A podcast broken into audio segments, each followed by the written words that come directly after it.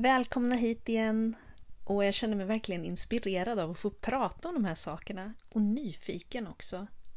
Vilka är ni som väljer att lyssna?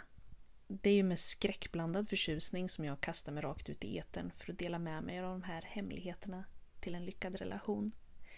Och det här avsnittet ska handla om en av de absolut viktigaste nycklarna till att få ett underbart förhållande med en maskulin man. Kanske en av de saker som de flesta av oss inte känner till.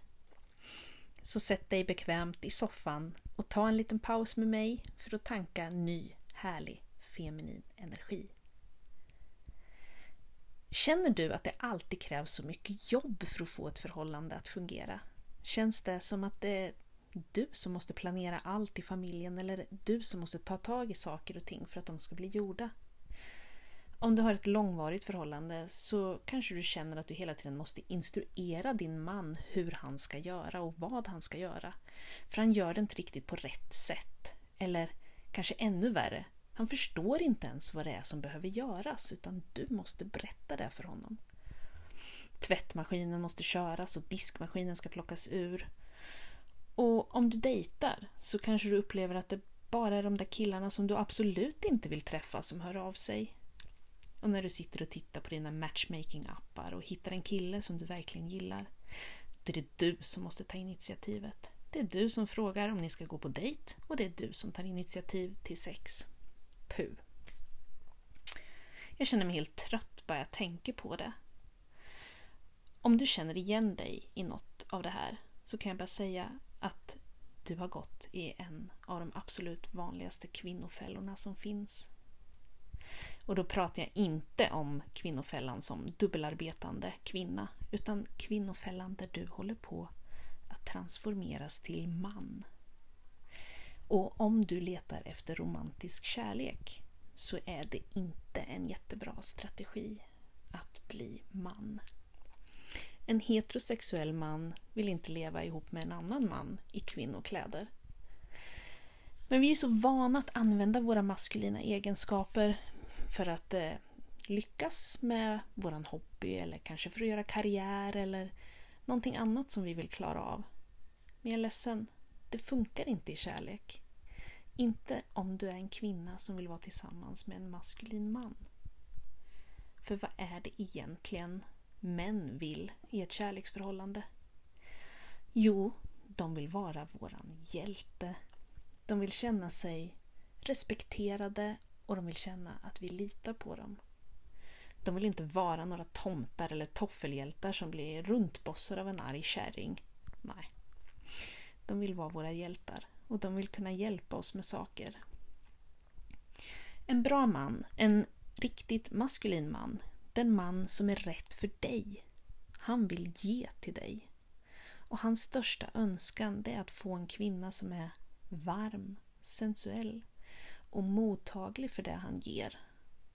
Han vill ha en kvinna som litar på honom och respekterar honom. Och han vill kunna känna att hon faktiskt behöver honom. Men om du kan allting bäst själv och alltid vet hur allting ska vara och alltid tar initiativ till allt själv, var finns då platsen för din man? Hmm. Värt att fundera på kanske. Så fråga dig själv nu, just i detta ögonblick. Litar jag på min man? Att han klarar av att fixa saker utan min hjälp och min inblandning? Litar jag på min dejt? Att han klarar av att tänka ut hur han ska ta sig till mig och hur han ska bjuda ut mig? Eller känner jag att jag måste gå in och fixa saker?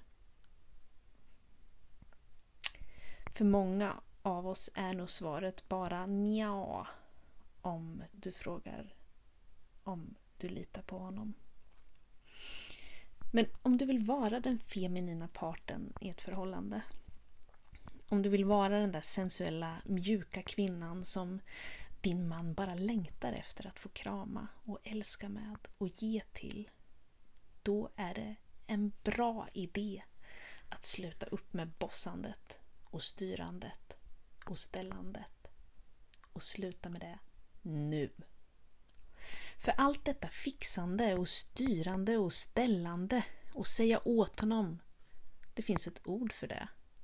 Och det ordet är att hyperfungera.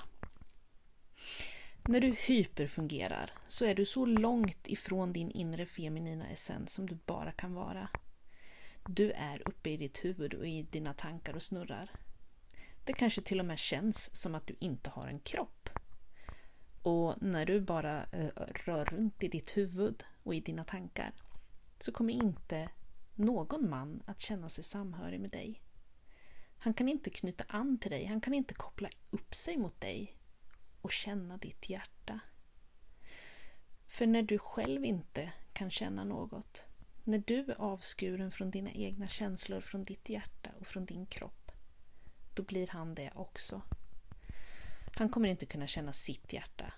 Och eftersom kärlek är en känsla och en känsla bor i vår kropp och i våra hjärtan så kommer det finnas väldigt lite kärlek där. Så fundera på hur det ser ut i ditt förhållande eller i din dating. På vilka områden hyperfungerar du? Skriv ner dem på ett papper och ta en titt på det. Är det du som alltid lagar maten, handlar, diskar, tvättar, håller koll på barnens skolaktiviteter eller dagiskläder? Skriv upp allt som du gör eller håller koll på i ditt hem, i din familj eller i ditt förhållande. Eller om du dejtar. Är det du som säger hej först? Är det du som initierar konversationer? Är det du som väljer ämnen att prata om? Är det du som planerar dejter? Är det du som betalar för kaffet? Se dig själv framför dig i ditt förhållande eller i din dejtingsituation. Vem är det som pratar och vem är det som lyssnar?